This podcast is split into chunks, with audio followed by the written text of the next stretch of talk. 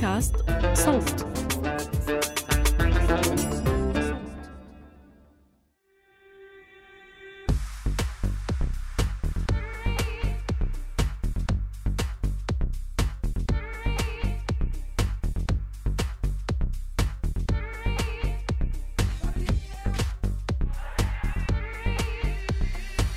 أهلا بيكم في حلقة جديدة من بودكاست حرر. معاكم بسنت سمهوت من فريق صوت. الحقيقة حلقة النهاردة خاصة. للي ما يعرفش صوت هي جزء من شبكة فبراير ودي شبكة بتضم كذا مؤسسة للإعلام البديل. قررنا نشتغل سوا على ملف نسوي مشترك والحلقة دي هي جزء من مساهمتنا في الملف. في مجال الإعلام والصحافة كتير جدا ما بتواجهنا قضايا حساسة بالذات في المواضيع اللي بتناقش النسوية في العموم أو قضايا معينة منها العنف الجسدي والمعنوي وغيرهم. حبينا نقف هنا ونعمل إعادة تقييم لدور الصحافة والإعلام في تغطية المواضيع دي تحديداً. هي إيه مسؤوليتنا كإعلاميين تجاه النساء اللي بنغطي أخبارهم؟ بالذات الناجيات وضحايا العنف. وعشان نقدر نناقش الموضوع باستفاضة معانا النهاردة من الاستوديو معايا في مصر الدكتورة سارة الرشاني أستاذة مساعدة في الجامعة الأمريكية بالقاهرة. أهلا بيك شكرا بسنت ومعانا كمان من لبنان سارة قدورة ناشطة نسوية ومنشئة قناة. حكي نسوي على ال social media. أهلا بيكي. أهلا فيكم. أنا عارفة إنه إحنا معانا سارة الرشاني وسارة قدورة. سارة وسارة يمكن ما بقاش أسهل حاجة وأنتوا الاتنين كمان من لبنان. بس يعني إن شاء الله مستمعينا هيتعودوا على صوتكم من الأول وهبقى بحاول أساعد في الموضوع ده على قد ما أقدر. عشان نبدأ الموضوع حابة أبتدي بشكل يعني أبتدي من من عدسة خارجية ومن أول الموضوع خالص. أنا عارفة كمان دكتورة سارة حضرتك بتدي كورس في الجامعة الأمريكية عن أخلاقيات الصحافة. فكنت حابة أسألك الأول بتحسي إيه هي أهم صفات أو سمات الصحفي اللي المفروض يتحلى بيها أو ما يستغناش عنها أبدا في شغله؟ أوكي فاذا شكرا على الاستضافة. ويعني من ميزات الصحفي اللي آه، بنتمنى إنه تلاميذنا آه، تكون موجودة عندهم هي ال- ال- العمل المهني والرصانة بالعمل والمثابرة على الخبر. آه، فهون يمكن من من أهم ال- الميزات اللي آه، بنتمنى إنه يحظوا بها. آه، وهل يعني المثابرة على الخبر على بأي ثمن ولا يعني هل في مبادئ معينة ممكن تحكم الصحفي في التغطية؟ لا طبعا نعطي نحن بهذا المقرر نعطي كيس ستاديز كثيرة. وبكون أوقات فيها ال- ال- المعضله اللي بيواجهوها اللي بيواجهها الصحفي. آه، ما هي الحدود يمكن ما مش مفروض منهم يتخطوها. آه، على حسب الموضوع طبعا. طيب وسارة قدورة بتحسي إنه في حاجة في التغطية لازم الصحفي أو الإعلامي في المطلق يتحلى بيها آه، كأخلاق أو مبادئ؟ أيوه لأنه آه، بشكل عام اليوم صار الكل بيستخدم وسائل النوع الاجتماعي بشكل أو بآخر لتغطيه أمور مختلفة وإعطاء آراء مختلفة وبالتالي الكل صار يعتبر حاله إعلامي أو صحافي بشكل أو آخر.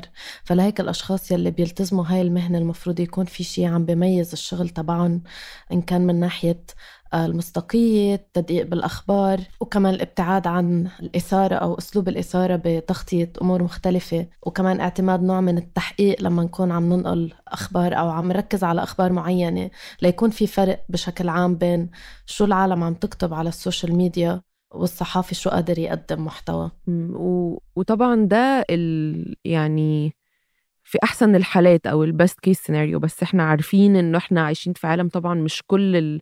مش كل الأخبار هتسمح للصحفي إن هو يعني يمشي على مبادئه دايما في كل الوقت. فهل بتحسوا إنه دلوقتي على أرض الواقع الصحافة بيطبق فيها المبادئ اللي إحنا بنبقى بنسعى ليها كصحفيين؟ ولا دلوقتي صعب؟ آه، طبعا صعب. يعني لازم نتذكر إنه الإعلام اجمالا آه، خاصة الإعلام ال mainstream بيتبع أو بيعكس المجتمع بيعكس النظام السياسي والاقتصادي في البلاد. فلذلك دائما بنلاقي إنه طبعا في صعوبة. يعني يمكن يكون الصحافي نفسه بيملك يمكن آه، أفكار يمكن نسوية أو منيرة أو ما إلى هنالك بس بنلاقي إنه في الإطار المهني يمكن في صعوبة في دائما التعبير عن هذه المواضيع أو هذا الأسلوب أو نمط التفكير. ولكن من طبعا دائما كمان بنلاقي إنه في هوامش موجودة حتى في الإعلام اللي كمان ما بدنا ننسى إنه في إعلامنا العربي في كمان تقييد للحريات إلى حد كبير حسب البلد اللي عم نحكي عنه. لكن بضل في هامش ما يمكن لتأطير خبر ما بطريقة مهنية. ومنلاقي دائما طبعا إنه في صحفيين وإعلاميين وإعلاميات بالرغم يمكن من هذا التقييد الموجود بالتقييد القانوني وكمان يمكن اللي بيتعلق يمكن تخطيط لموضوع معين بضلهم بيلاقوا هامش وبيتحركوا بهالهامش الموجود. وطبعا يعني هي لازم يمكن يعني مش نشكرهم عليها بس نثمنها. طيب في القيود دي يعني إحنا أكيد مش مش في المدينة الفاضلة لازم نعترف إنه في قيود كتيرة في العالم العربي في التغطية في الإعلام. في الإعلام في المطلق يعني في أي مؤسسة دايما بيكون في مثلا ناس بتمول المكان أو حكومة بتأيد الصحفي ومكان العمل. في حتى ممكن نقول في أماكن بتبقى بيئة العمل فاسدة فيها. إزاي ممكن الصحفي يحاول يحافظ على مبادئه إذا بيئة العمل مش بتشجعه أو مش بتساعده على ده.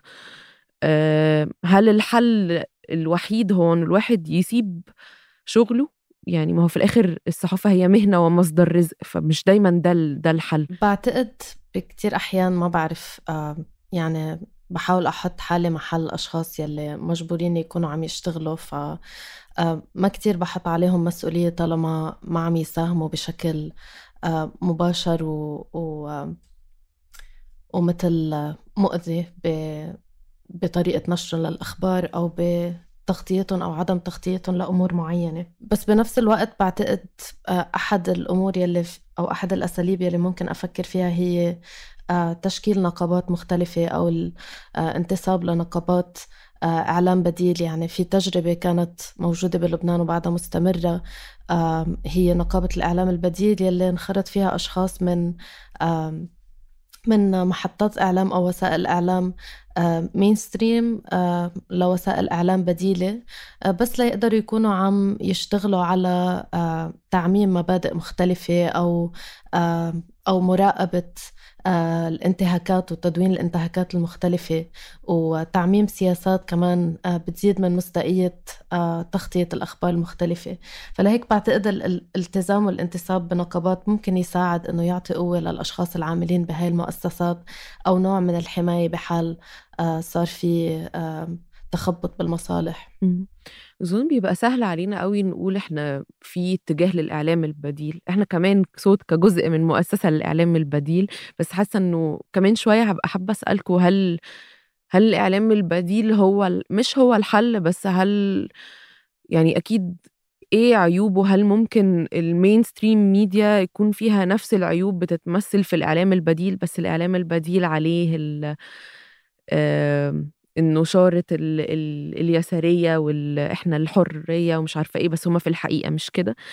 آه وخلاص بما إن أنا فتحت الموضوع فممكن أسألكم عليه من دلوقتي. مش هقول عيوب الإعلام البديل أي حتة بيبقى فيها عيوب بس هل الإعلام البديل is it like an illusion of freedom أو ولا فعلا بتقدم خيار مختلف للتغطية؟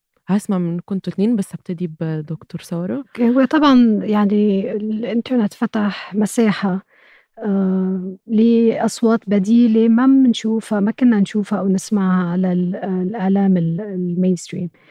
آه فما في شك بهالموضوع. آه لكن الخطأ الأكبر, الأكبر هو وجود ال echo chambers أو غرف الصدى. يعني آه وهذا طبعا آه الإنترنت ساهم ب آه بهالموضوع ده. كيف صار مثلا الإعلام أو الجمهور بإمكانه فقط أن يسمع يستمع أو أو يتابع الإعلام أو الآراء اللي بتأكد تفكيره. فهذا هذا خطر موجود آه، وصار صار موجود بكثرة يعني. وبنلاقي من الطبيعي يعني الإنسان ما بحب دائما يكون آه، يستفز دائما.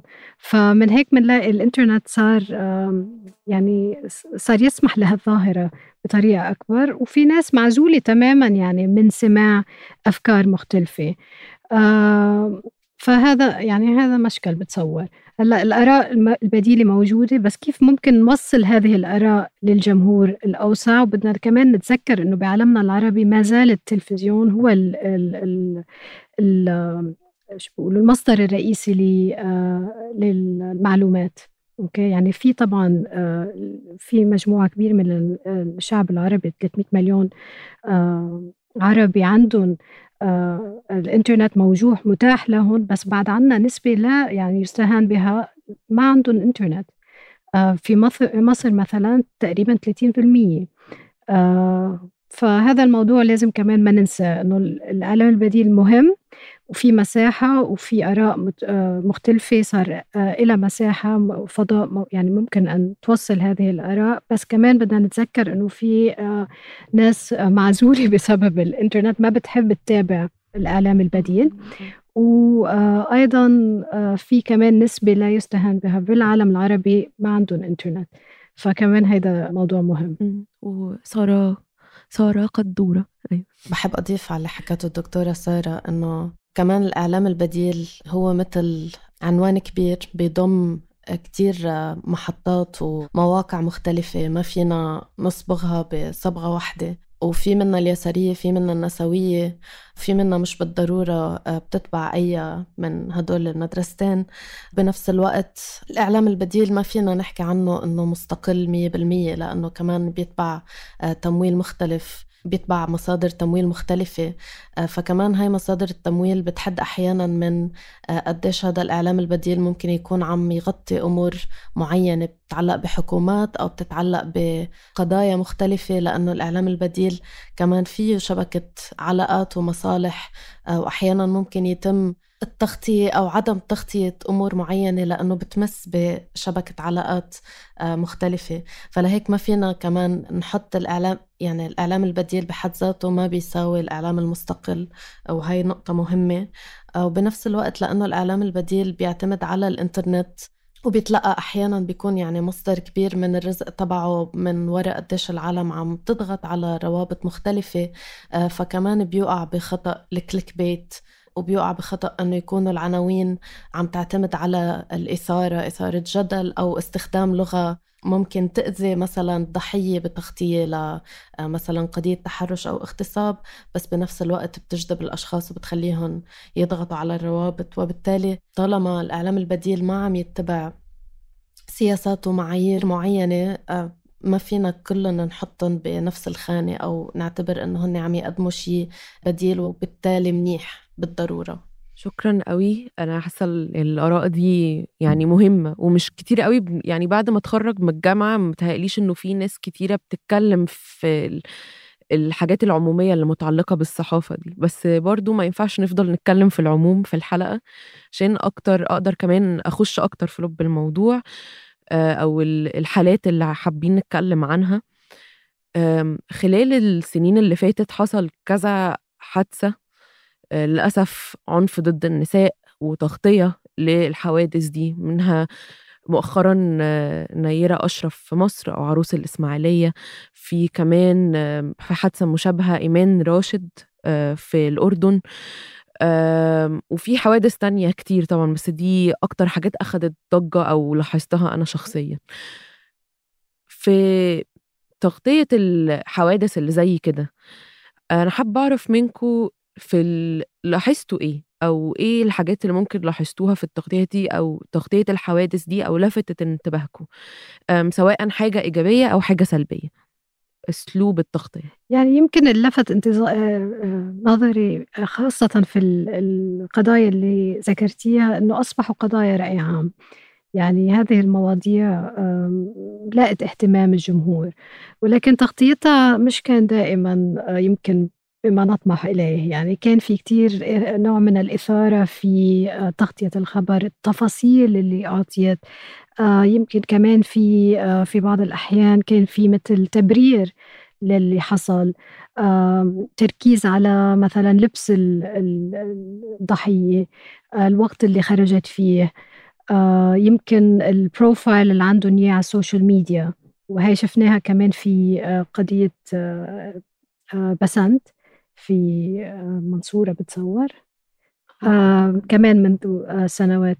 فطبعا هذا بتصور يعني غير محبذ ابدا. شو كمان بنلاقي مثلا يمكن آه، آه، أعطاء مجال أو منبر للمتحرش أو اللي قام بعمل آه، عنف. حتى في معنا قضية في لبنان منذ سنتين بتصور رجل قتل زوجته وعطوه منبر ويبرر وكان خرج من البلاد وطبعا يعني هذا غير محبذ على الإطلاق طيب في حاجة يا سارة لفتت نظرك أنت كمان في التغطية غير الحاجات اللي الدكتورة سارة الريشاني حكت عنها؟ الأمور اللي حكيتها كتير مهمة وبحب أضيف عليها أنه آه، في هوس عند الأشخاص يلي كانوا عم يعملوا تغطية آه، وهون بتذكر بالأخص آه، قضية نيرة أشرف أنه كان في هوس لمعرفة السبب ليش هذا الشخص قتلها؟ آه، شو القصة؟ بدنا نرسم قصة معينة العالم والجمهور والأشخاص يلي عم يحضروا ويتابعوا هاي القصة بدهم آه، يفوتوا فيها ويفهموها اللي هي إنه كان عم يرسم مثلا قصة رومانسية قصة رفض قصة ملاحقة هذا الشخص آه، لنيرة ويعني في في هوس بإنه نعرف ليش هدول الأشخاص انقتلوا. آه، وكأنه هذا السبب بيعطينا آه، نوع من الأمان إنه إذا ما عملنا هيك آه، ما رح يصير معنا هذا النوع من الجريمة. فهذا الهوس بخلي الناس تفكر إنه في في مثل نوع منطق آه، ورا هاي القضايا والجرائم. وإذا عملوا أمور معينة آه، ممكن يتفادوا إنه يكونوا عم ينقتلوا أو عم يتم التحرش فيهم أو اغتصابهم إلى آخره. فما بينحط ما بتنحط هاي القضايا من قبل يلي عم بغطوا عليها ضمن سياق معين وهو سياق إنه في عنا عنف وثقافة اغتصاب آه، أبوية منتشرة بالمجتمع وبتصير تنعزل كقضايا فردية آه، وقصص فردية كمان معزولة عن بعضها. وبالتالي بحس في خطأ كبير بيقع فيه الأشخاص يلي عم يغطوا أو الإعلاميين بهي القضايا إنه ما عم يعطوا آه، أرقام ما عم يعطوا إحصائيات آه، ما عم يعطوا مصادر آه، مثل هوت لاينز أو خطوط ساخنة أو مصادر للحماية ما عم يحكوا عن كيف القوانين تتساهل آه، مع هاي الأمور. وبالتالي عم يبحثوا عن أسباب ودوافع شخصية وخاصة بدل ما يكونوا عم يحطوها بالسياق العام يلي بشجع بكل مؤسساته إنه تكون هاي الجرائم موجودة. أنا في حاجة تانية كمان لاحظتها شخصيا إنه هم بيبقى في اختيار الصور أو اختيار الطريقة اللي بيقدموا بيها البنت أو الضحية على عكس تقديم الولد مثلا. دايما لاحظت إنه مش بس في قضية نيرة في قضايا كتير. بيبقى مثلا بيجيبوا صورة الولد مع الراجل مع عيلته مع ولاده وهو في مكان دراسته. إنما البنت بيجيب لك مثلا صورة لازم تكون وهي يعني آه اللبس فيه حاجة غلط.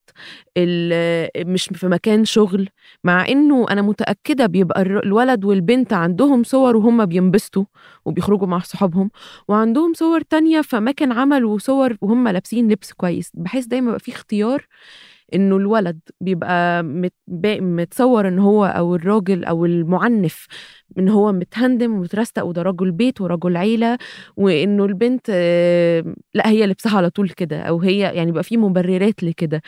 وده كمان هياخدني للسؤال اللي بعده. اولا عايز أعرف لو أنتوا كمان بتلاحظوا الحاجة دي ولا لأ في التغطية. أه وهل بتحسوا إنه الإعلام العربي في المطلق يمكن بالأسلوب ده بي بيشجع على العنف ضد ضد المرأة؟ آه، بالنسبة اللي ذكرتيه بس أنا بضيف إنه آه، أوقات بنعطي بيعطوا الإعلاميين كمان منبر لأهالي المعتدي. آه كمان لي طبعا حيدافعوا عن ولدهم.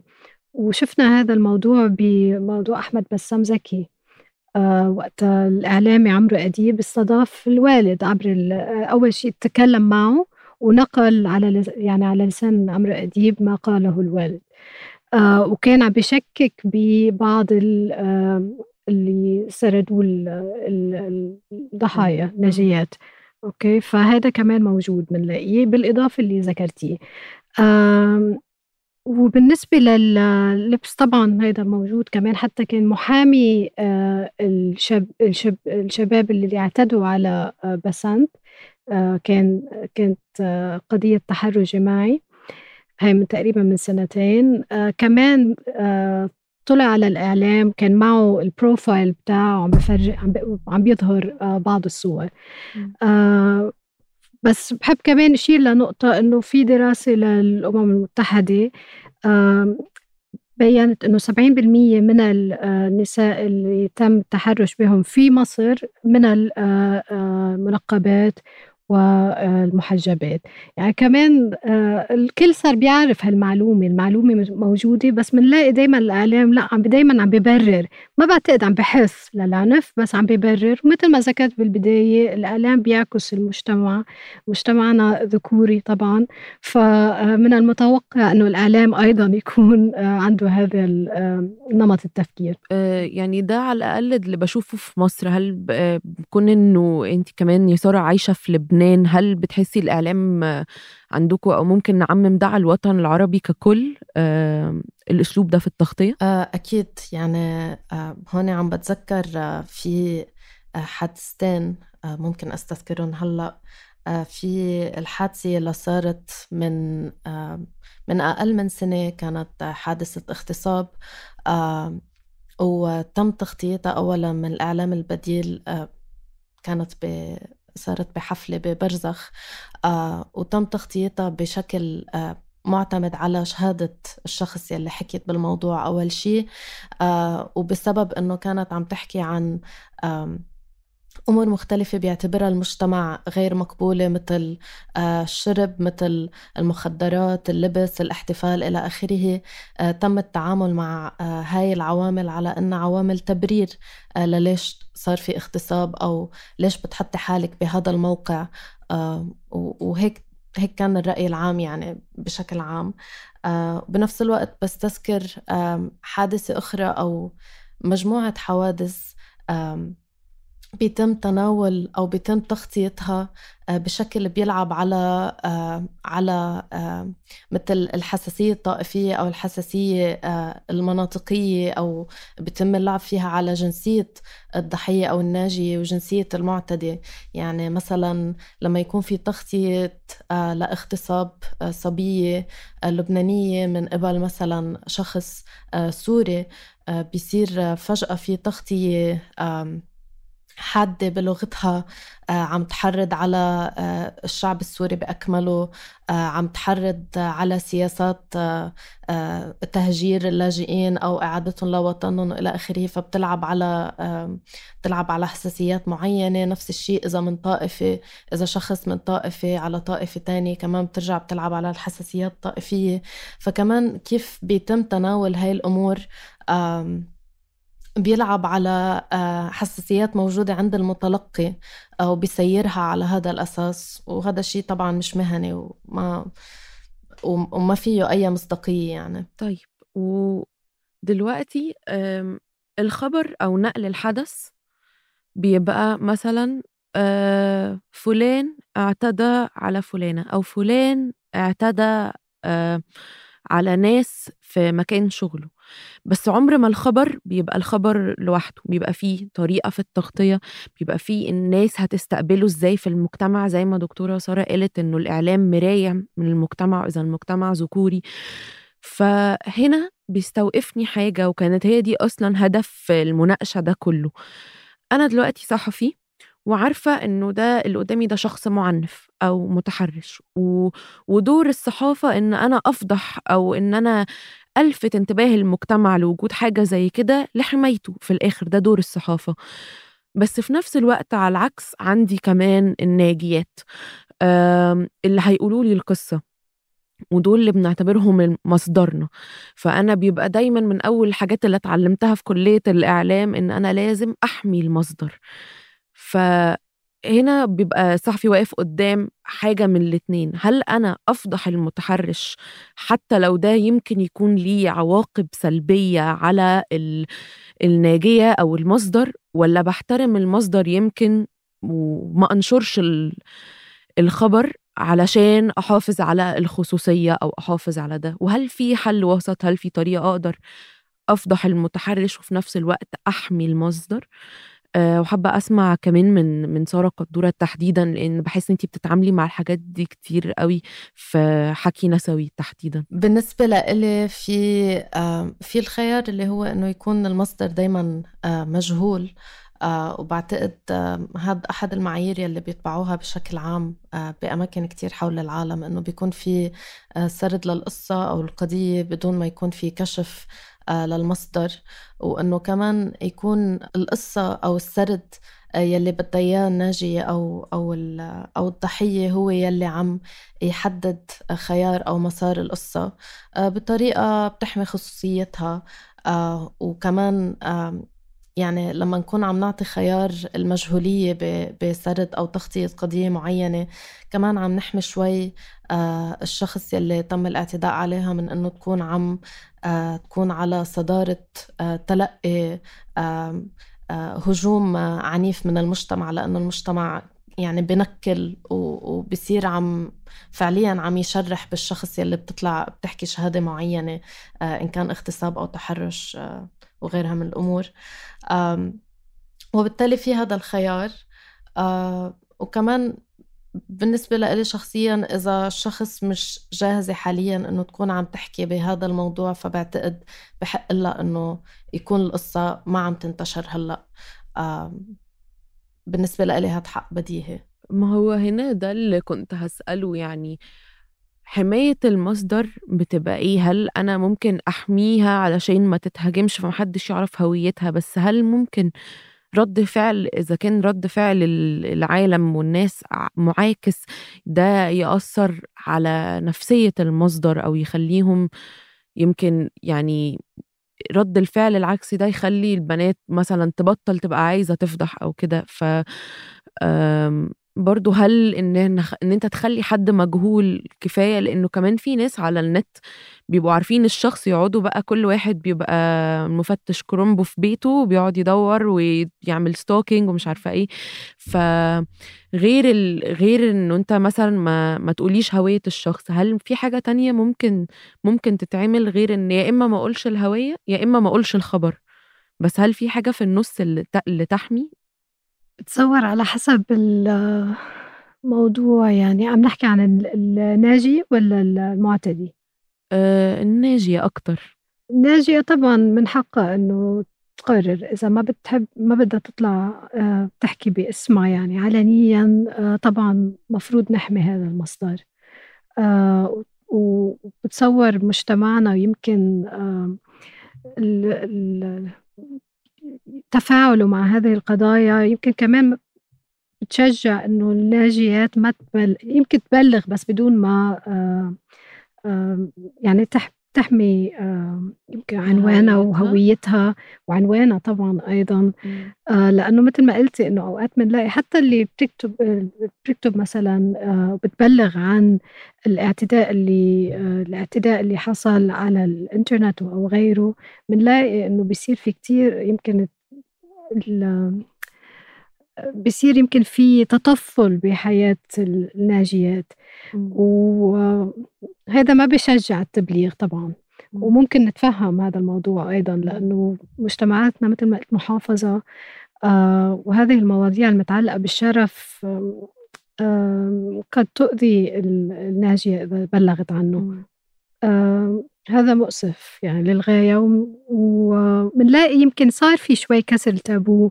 هلأ مع الميتو الموفمنت أنا كمان وعنا حتى في في مصر شاهدنا هذا الموضوع وكان في انستغرام اكاونت نادين أشرف وهي طالبة في الجامعة الأمريكية assault بوليس نقلت كثير يعني من هذه التبليغات منها كان آه، ما يعني أعلن عن هويات ومنها لا. فطبعا لا بتصور لازم حماية المصدر إذا ما حبت الناجية أن تفصح عن هذا. وما بدنا كمان نزيد المعاناة يعني آه، الناجية عم عم تعاني نفسيا من اللي آه، جرى لها. وإذا طلبت من الصحافي أو من آه، الإعلام البديل اللي عم تتواصل معه إنه ما يفصح عن هويتها لا طبعا مفروض ما يفصح عن هويتها. طب لو هي طلبت إنه ما يفصحش عن الخبر أصلا إنه أنا بأحكي بس مش عايزة حد يعرف إنه الشخص ده معتدي عشان حتى لو خليته هويتي أنا آه يعني ما أفصحتوش عنها بشكل ما أنا خايفة إنه الناس توصل لهويتي حتى لو أنتوا ما قلتوش. آه هل ساعتها يعني ممكن نحاول نقنع الشخص إنه في في فوائد وفي عيوب عشان يبقوا عندهم أكتر يعني ياخدوا قرار وهم واعيين عنه ولا بنحترم قرارهم من غير مناقشة؟ يعني إيه ال... يعني الصحفي دايما أنا الإنستنكت بتاعي أنا عايزة أروح هقول اللي بيحصل هنقل الخبر. كده كده حماية المصدر هوية المصدر حاجة ما فيش فيها مناقشة. بس لو المصدر قال لي لأ احميني وحمايتي إن انت ما تنشريش الخبر ده أصلا. أعمل إيه ساعتها؟ بعتقد في خصوصية موجودة بكذا بلد فيما يتعلق بقضايا التحرش والاغتصاب. اللي هي إنه هاي القضايا آه، بحد ذاتها بعدها مثل مثيرة للجدل آه، ضمن ثقافة بتشجع على الاغتصاب أو بتتساهل مع الاغتصاب والتحرش. وبالتالي التعامل مع ما رح يكون مثل التعامل مع قضايا آه، خطف أو سرقة أو قتل إلى آخره. وطالما نحن عارفين إنه قانونيا ما في هالحماية للضحايا أو الناجيات ونحن عارفين إنه ما رح نقدر نقدم لهم هاي الحماية شخصيا. بعتبر إنه الأولوية هي لإلهم إذا بدهم يكونوا عم ينشروا قصتهم أو لا. لأنه بنفس الوقت ما بدنا نكون عم نساهم بأنه نرجع نخليهم يعيشوا الصدمة النفسية أو الجسدية. لما يكونوا عم يشوفوا قصتهم منشورة بدون إذنهم أو يكونوا عم يشوفوا كيف المجتمع عم يتعامل ويرد على قصتهم وكيف عم يفككها وينكل فيها.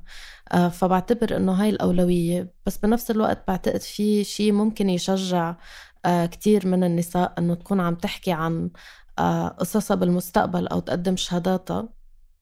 وهو بيرجع لكيف عم يتم تغطية وسرد هاي القصص. لأنه أحد أحد الأمور يلي ما بتشجع النساء هو كيف عم تصير التغطية بشكل عام. كيف عم يصير في مثل آه، كشف لتفاصيل مش ضروري تكون موجودة مثل حياتها الجنسية أو علاقتها مع أو علاقتها مع المعتدي إذا كانت في علاقة سابقة أو نوعية الشغل يلي بتشتغل فيها أو لأي أو شو كانت لابسة مثل ما كانت عم تذكر الدكتورة سارة أو شو كانت متعاطية أو شاربة إلى آخره. آه، وكمان آه، التغطية اللي بتكون آه، منحازة إلى حد ما لمعايير الشرف والأبوية وعم تحاول تعرف أسباب وحوافز معينة بتحط بتحط الضحية أو الناجية بمحط استجواب أو بمحط بمحل مضطرات مثل يدافعوا عن أنفسهم وبالتالي في شغل جماعي ومسؤولية على الإعلاميين بالتغطية آه، يلي ممكن بالمستقبل تشجع المزيد من النساء بأنه يكونوا عم ينشروا قصصهم بدون ما يخافوا بس حاليا مع المعايير الموجودة آه، بعتقد الأولوية هي للضحية تقرر إذا بدها تنشر أو لا ودكتورة سارة بتحسي إنك بتشاركي نفس الأولوية دي ولا لأ؟ أو هتعلميها إزاي للتلاميذ في الكلاس؟ آه، أنا دايما بحب أذكر طلابي وطالباتي إنه هذه المواضيع مش بس موجودة عنا في مجتمعنا. يعني بنلاقي كان في مثلا قضية في اعتداء اعتداءات يعني بالجملة آه، على charity workers بجنوب السودان. آه وتم تغطية هالموضوع بطريقة كمان بالإعلام البريطاني بطريقة لم يكشفوا عن هويات الناجيات لكن كشفوا معلومات يعني ممكن من ال ال الناس اللي بيعرفوهم آه يعرفوا مين مين الضحايا. ف وكمان كمان كان في آه طريقة التغطية كان في آه تفاصيل مثيرة ما كان لها لزوم يعني هذه المواضيع بنلاقيها في آه، مش بس عنا بعالمنا العربي بس يمكن تداعيات هذه التفاصيل مختلفة نوعا ما. آه ويمكن كمان الدعم اللي موجود للناجيات في عالمنا العربي آه لازال يعني المفروض يكون أفضل مش آه ما عندنا هذا الدعم. آه دعم على الدعم الأسري المجتمع ما إلى هنالك يعني مش موجود. آه فلذلك لا طبعا أنا بتفق مع سارة لا مع احترام اختيار الناجية. وإذا حبت ما حتى تصر يعني بلغت الصحفية أو بلغت صديقة أو إعلامية بموضوع وحبت رجعت يمكن تراجعت. وما حبت ترجع تفشي بكل اللي بلغت عنه. لا أنا بحترم رأيها طب على العكس لما يكون في حد متحمس جدا إنه إن هي أو متحمسة جدا إنها تشارك وعايزة تقول كل حاجة وعايزة كده هل إيه دور الصحفي إنه يحمي المصدر الغير واعي عن المخاطر اللي ممكن يحط نفسه فيها؟ يعني هل دور الصحفي إنه أنا أعلم المصدر اللي قدامي إنه اللي أنت بتقوله ده يمكن أنا أظبطه شوية علشان أحميك ولا أخده زي ما هو.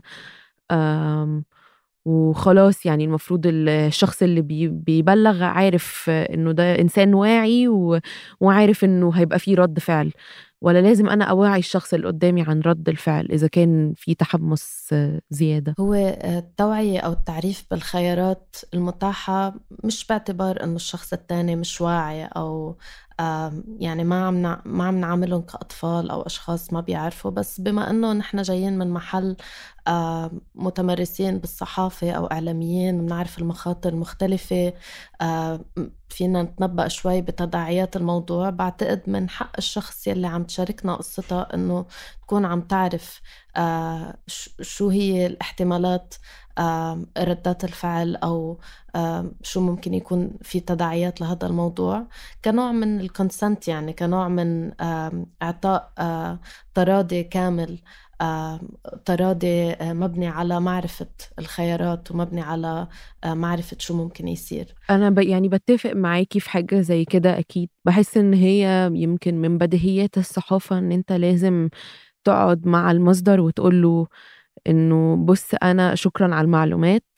أنا لو نشرتها في سيناريوهات واحد اتنين تلاتة آه، ممكن تحصل. لازم يبقى عندك استعداد جهز نفسك نفسيا يبقى عندك شبكة أمان ممكن تتواصل معاهم إذا الخبر كان ليه تأثيرات عكسية أو تأثيرات سلبية على سلامتك البدنية أو النفسية. كده. أنا حابة أعرف كمان منك دكتورة سارة ال ال الكيس ستاديز أو الحالات اللي بتتعاملوا معاها أو بتدرسوها في في المحاضرات أو كده هل بت يعني بتحسي إنه دي حاجة بتبقى على بال التلاميذ وهم بيدرسوا إنه لازم إحنا يبقى المصدر is fully informed أو دايما معاهم كل كل المعلومات ولا ممكن حاجة لازم نفتكرها كل شوية كصحفيين؟ هلأ كمان أنا بتصور لازم يكون عندنا آه، يمكن صحافة آه، متخصصة بهذا النوع من التغطية الاعتداءات الجنسية. آه، ليكون في تعاطف أكثر ووعي أكثر للتداعيات. هذا مش دايما متوفر. فأوقات بنلاقي يمكن إنه الصحافي بيقول أنا وظيفتي غطي الخبر بمصداقية يمكن بيعرضوا المعطيات بيعرضوا يمكن حتى التقارير القانونية القضائية إذا تم التبليغ ولكن لا لذلك بتمنى يكون في تخصص نوعا ما أكثر في هذه الحالات أوكي؟ لحتى يصير في يكون في تعاطف أكثر أوكي؟ بس يمكن بتصور إنه أوقات بتعرفي الصحافي دائما بيكون عنده آه، ما عنده هالوقت وحتى كمان يمكن الاعلام اللي بيشتغل فيه بيكون في ضغط إنه غطي هذا الخبر آه، وأحصل على معلومة و scoop. فماش دايما عم بيكون في هالتعاطي الامباثيتك التعاطف يعني لحتى ليشرحوا لل آه كمان مثل ما ذكرت سارة بتفق مع إنه كمان منهم آه يعني منهم الآباء. وطبعا عم نحكي عن الناجيات آه، يعني بالغات يعني بعد ال 18 المفروض يكونوا هن واعيين وعارفين آه، حقوقهم وعارفين يمكن كمان مجتمعهم إنه كيف ممكن يتعاطى مع هذا هذا المعلومة. بس آه، طبعا أنا بحبذ إنه يكون في هذا النوع من التعاطي شرح ما ما يمكن إنه تتسبب بهذه الشهاده وبحس دي حاجة حتى منصتك يا سارة بتعملها في في حكي نسوي الطريقة إزاي أحمي نفسي وأنا بفشي عن السر ده. فحابة أشكرك برضو إنه منصات زي منصة حكي نسوي بحسهم أماكن مهمة جدا و it's a good safe space to have يعني في المطلق. شكرا لك. آخر حاجة آه، حابة أعمل زي أقفل الدايرة اللي إحنا فتحناها كده. طبعا كان من كتير قوي من الكلام اللي إحنا اتكلمنا فيه كان يعني وضحته شوية من إجابات السؤال ده. في الإعلام العادي أو في الإعلام البديل آه، إحنا دلوقتي يعني من النهاردة قدرنا نحدد شوية عيوب شوية حاجات حابين إنها تتحسن. بس لو حب عندكم أي حاجة حابين تضيفوها. إزاي هل نقدر نغير الصورة أو التفكير الأبوي للمجتمع؟ ولو ما نقدرش نغيره إزاي نقدر بتغطيتنا كصحفيين أو نغير المؤسسات من جوه؟ إيه المقترحات اللي ممكن نعملها كأفراد أو كصحفيين عشان نغير ال... مش الكون بس عشان نغير التطلع الدارج. بعتقد إنه آه، لازم يكون في شغل جماعي آه، من قبل صحفيين وإعلاميين آه، ومجموعات ونشطاء نسويين إنه يكون عم يكون في كتابة لمعايير مختلفة مبنية على البحث مبنية على تجارب ببلاد مختلفة نقدر نعممها ونفرضها بشكل أو آخر أو نضغط على المنصات المختلفة إنه تكون عم آه، تتبع آه، هاي المعايير. آه، ونفرجي شو المنفعة العامة من اتباع هيك معايير إن كان من ناحية تعامل المجتمع مع قضايا الاغتصاب والتحرش والعنف ضد النساء والأفراد المختلفين أو من ناحية كمان إنه يكون التوجه الإعلامي رايح نحو مصداقية أكتر ونحو إنه يكون صوت آه، للفئات المضطهدة أو الفئات المهمشة. آه، فلازم يكون في شغل جماعي على هذا الموضوع لأنه كمان ما فينا نعتمد على أنه كل فرد إعلامي أو صحفي بده يعمل هذا الشغل لحاله. لازم يكون في بيئة بتحمي الإعلاميين وبتشجع الإعلاميين أنه يكونوا عم يقوموا بهذا الشغل. وهو بالنهاية المجتمع متأثر بالإعلام والإعلام متأثر بالمجتمع. فبدنا نبلش من محل معين. إذا الإعلام بلش يغطي آه هاي القضايا بشكل آه عادل بشكل آه بيقدر يشجع المزيد من الضحايا والناجيات إنه يحكوا عن هاي المواضيع.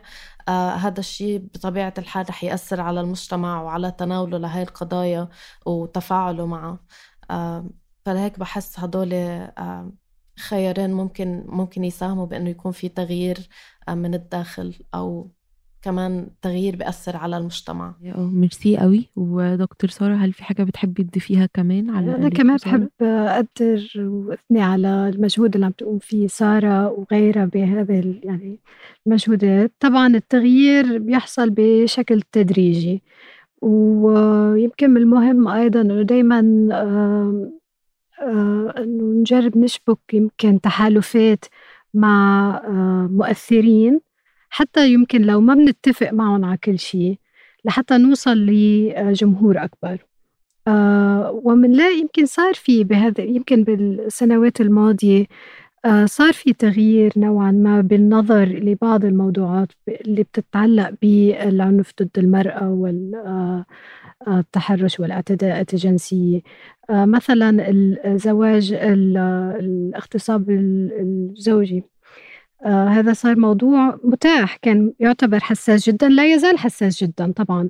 آه بس بنلاقي إنه عم بيصير في تداول لهالموضوع وحتى من آه يمكن إعلاميين آه آه مؤثرين في القنوات المين ستريم مثلا آه الإعلامي عمرو أديب اللي تكلم بهالموضوع آه، فبتصور هذا الشيء مهم جدا إنه كمان لازم يمكن للنسويات ولا آه، إنه يجربوا يشبكوا تحالفات مع يمكن إعلاميين أو غيرهم ناس مؤثرة بال على الرأي العام لحتى يوصلوا هذه الأفكار لجمهور يمكن ممكن أنه يكون معزول عنا تماما بسبب ال echo chambers اللي تكلمنا عنها.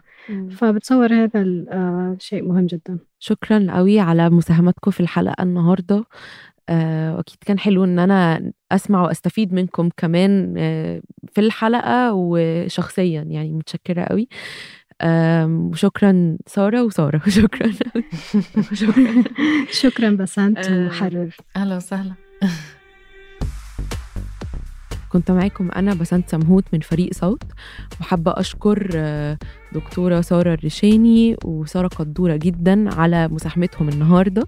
الحلقة دي من إعداد وتقديمي أنا بسنت سمهوت تحرير تالا حلاوة الهندسة الصوتية نور الدين باللحسن. بودكاست حرر من إنتاج صوت.